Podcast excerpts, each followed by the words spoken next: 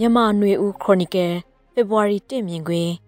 စစ်အာဏာသိမ်း3နှစ်ပြည့်ရှုံးမြစ်ဆိုတဲ့ဆောင်းပါးကိုဖတ်ကြားပေးပါမယ်။ပြီးခဲ့တဲ့3နှစ်တိတိ2021ခုနှစ်ဖေဖော်ဝါရီလ1ရက်နေ့စစ်အာဏာသိမ်းပြီးနောက်3နှစ်တာကာလမှာဘာတွေရှုံးပြီးဘာတွေအကျိုးမြတ်ထွက်တယ်လဲဆိုတာပြန်ကြည့်ကြရမယ့်အချိန်အမှတ်သားတစ်ခုကိုရောက်နေတာဖြစ်ပါတယ်။2022ခုနှစ်နဲ့2023ခုနှစ်ဖေဖော်ဝါရီ1ရက်နေ့တွေလို တစ်နှစ်မြောက်နှစ်နှစ်မြောက်မှာပြန်သုံးသက်ကြည့်ခဲ့ကြသလိုပဲအခု၃နှစ်မြောက်တဲ့ကာလမှာလည်းပြန်လည်သုံးသက်ကြည့်ကြရမယ့်အနေအထားဖြစ်ပါတယ်။သုံးနှစ်တာကိုပြန်သုံးသက်ဖို့ရမှာဘာမှခက်ခက်ခက်ခဲသုံးသက်စရာမလိုအရာအလုံးကဆုံးရှုံးပျက်စီးမှုတွေချီပဲလို့လူအများကတော့ပြောဆိုပါလိမ့်မယ်။မှန်ပါတယ်။ထင်ရှားတဲ့သင်္ကေတလက္ခဏာတွေက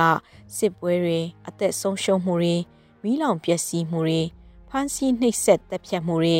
ငတ်မွတ်ခေါင်းပါခြင်းတွေအကူအညီတောင်းခံရခြင်းတွေနဲ့ပညာသင်ကြားဖို့ကျန်းမာရေးကုသဆောင်ရှောက်မှုခံယူဖို့အခွင့်အလမ်းဆုံးရှုံးခြင်းတွေနဲ့ပြည့်နှက်နေတာကြောင့်ခက်ခက်ခဲခဲသုံးသက်စရာတောင်မလိုဘူးလို့လူအများစုကတော့ယူဆကြမှာဖြစ်ပါတယ်။မှန်ပါတယ်။တိုက်ခိုက်မှုဖိနှိပ်ခံရမှုဆုံးရှုံးမှုပျက်စီးမှုနာကျင်မှုလက်စားချေမှု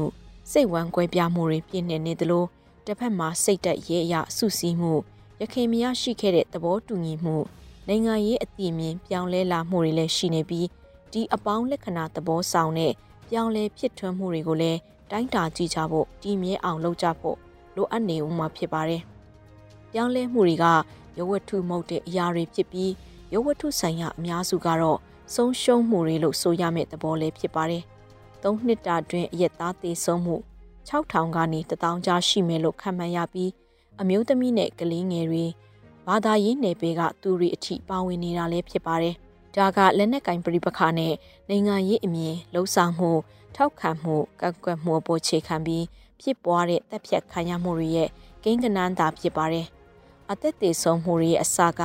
ရန်ကုန်မန္တလေးနေပြည်တော်နဲ့မြို့ကြီးအချို့တို့မှာငိမ့်ချမ်းစွာဆန္ဒပြတောင်းဆိုမှုတွေကိုလက်နက်တွေနဲ့ဖြိုခွဲရာကစတင်ခဲ့တာဖြစ်ပါတယ်။နေပြည်တော်ကမြသွေ့သွေ့ခိုင် မန္တလေးမြို့ကကျေးစဉ်အစရှိတဲ့အမျိုးသမီးငယ်တွေကိုရဲနဲ့စစ်တပ်က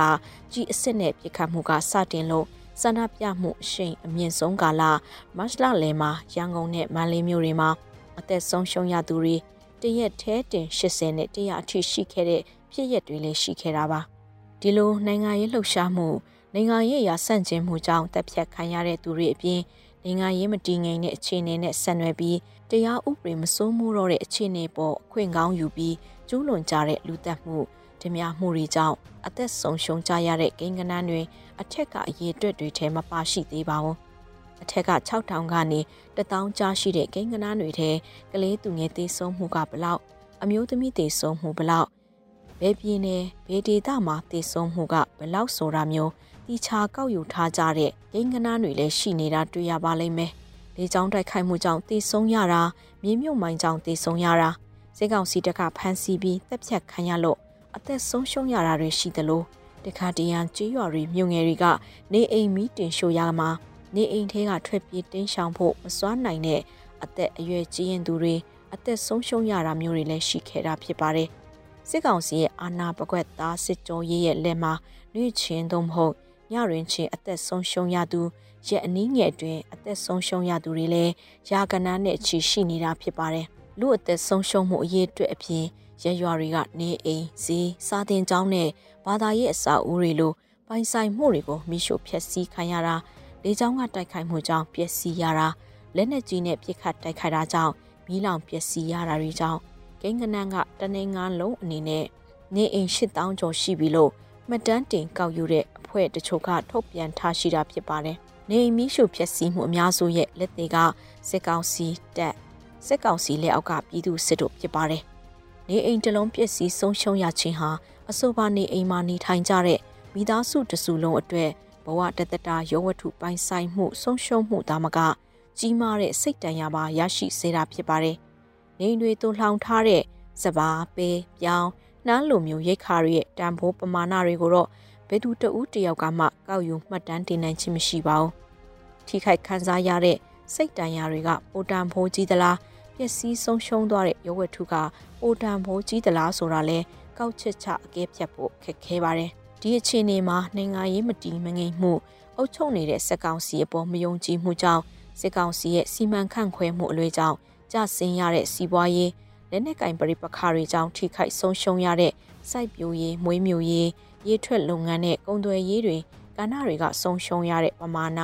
သိန်းကဏ္ဍတွေလည်းဘယ်သူမှတွက်ချက်ကောက်ယူနိုင်မဲ့အနေအထားမရှိပါဘူး။သို့ပေမဲ့၃နှစ်တာအတွင်းကျဆင်းသွားတဲ့မြန်မာကျပ်ငွေတန်ဖိုးက200ရာနှုန်းကျော်ရှိတာတွေ့ရမှာပါ။နိုင်ငံခြားငွေနဲ့မြန်မာကျပ်လဲလှယ်နှုန်းကိုကြည့်ရင်၃နှစ်တာအတွင်းဘလောက်ကျဆင်းသွားသလဲဆိုတာအကဲဖြတ်နိုင်တာဖြစ်ပါတယ်။အရှုံးတွေကိုပြန်ကဲဖြတ်ကြည့်ပြီးနောက်မှာအမျက်တွေကဘာတွေဖြစ်မလဲဆိုတာကြည့်ကြရအောင်ပါ။ ဆီအာနာရှင်စနစ်ကိုဖယ်ရှားမှဖြစ်တော်မဲဆိုတဲ့နိုင်ငံရေးအရာဘုံသဘောတူညီမှုတစ်ခုထွက်ပေါ်လာတာကအမျက်ထွက်တယ်လို့ကောက်ချက်ချကြပါတယ်။နိုင်ငံရေးအင်အားစုတွေတက်ကြွလှုပ်ရှားသူတွေတိုင်းသားလက်နက်ကိုင်အဖွဲ့အစည်းတွေနဲ့တာမန်ပြည်သူလူထုကြားပုံနိုင်ငံရေးပလက်ဖောင်းတနည်းအားဖြင့်နှိုးချမှုတစ်ခုကိုရရှိခဲ့တာအမျက်ထွက်တဲ့သဘောဖြစ်ပါတယ်။နောက်တစ်ချက်ကနိုင်ငံရေးအင်အားစုတွေလက်နက်ကိုင်အဖွဲ့အစည်းတွေကြားဖက်ဒရယ်ဝါဒကို ပုံမယုံကြည်ကင်ဆွဲလာကြတာလဲအမျက်ထွက်တဲ့အချက်အဖြစ်ကောက်ချစ်ချကြတာဖြစ်ပါတယ်။စီအာနာသိမ်းပြီးနောက်ရလာတဲ့နောက်အကျိုးမြတ်ကတော့လူနည်းစုအခွင့်အရေးလူမျိုးစုအခွင့်အရေးကြားမှတန်းတူအခွင့်အရေးစတာတွေကိုပုံမကျဲပြန့်စွာလက်ခံလာကြတဲ့ဆိုတဲ့အချက်ပဲဖြစ်ပါတယ်။အရက်ဖက်အဖွဲ့အစည်းတွေနိုင်ငံရေးအင်အားစုတွေနဲ့လက်နက်ကိုင်အဖွဲ့အစည်းတွေကြားတဲ့လူနည်းစုအခွင့်အရေးလူမျိုးစုအခွင့်အရေးကိစ္စရပ်တွေ အထူးသဖြင့်ငကိုကအမျိုးသားရေးဝါဒကနေချင်းကပ်ခဲ့ကြတဲ့ရိုဟင်ဂျာအရေးကိစ္စလိုမျိုးမှာလူအခွင့်အရေးနဲ့လူနည်းစုအခွင့်အရေးလိုရှုထောင့်မျိုးကနေပြန်သုံးသက်ချင်းကပ်နိုင်ခဲ့ကြတယ်လို့အကဲဖြတ်ပြီးဒီအချက်ကပြီးခဲ့တဲ့3နှစ်တာကာလရရှိခဲ့တဲ့အကျိုးရလဒ်တစ်ခုလို့မှတ်ချက်ချကြတာဖြစ်ပါတယ်။ကုန်လွန်ခဲ့တဲ့3နှစ်တာကာလကိုခြုံပြီးပြန်သုံးသက်ကြည့်ရင်အရှုံးတွေကများနေပြီးအမျက်ကနေပါတယ်လို့ဆိုကောင်းဆိုနိုင်ပါတယ်။စိတ်တက်ရေးရာအယူအဆ အခြေခံမှုစတဲ့ယုံကြည်မှုရေးရာမှာရရှိလာတဲ့အကျိုးအမြတ်တွေကိုဆုံးရှုံးသွားတဲ့ရုပ်ဝတ္ထုပိုင်းဆိုင်ရာတွေမှာပြန်တီဆောက်တဲ့နေရာမှာအသုံးချရမယ့်အနေအထားလည်းဖြစ်တယ်လို့ကောက်ချက်ချဆိုချင်တာဖြစ်ပါတယ်ရှင်။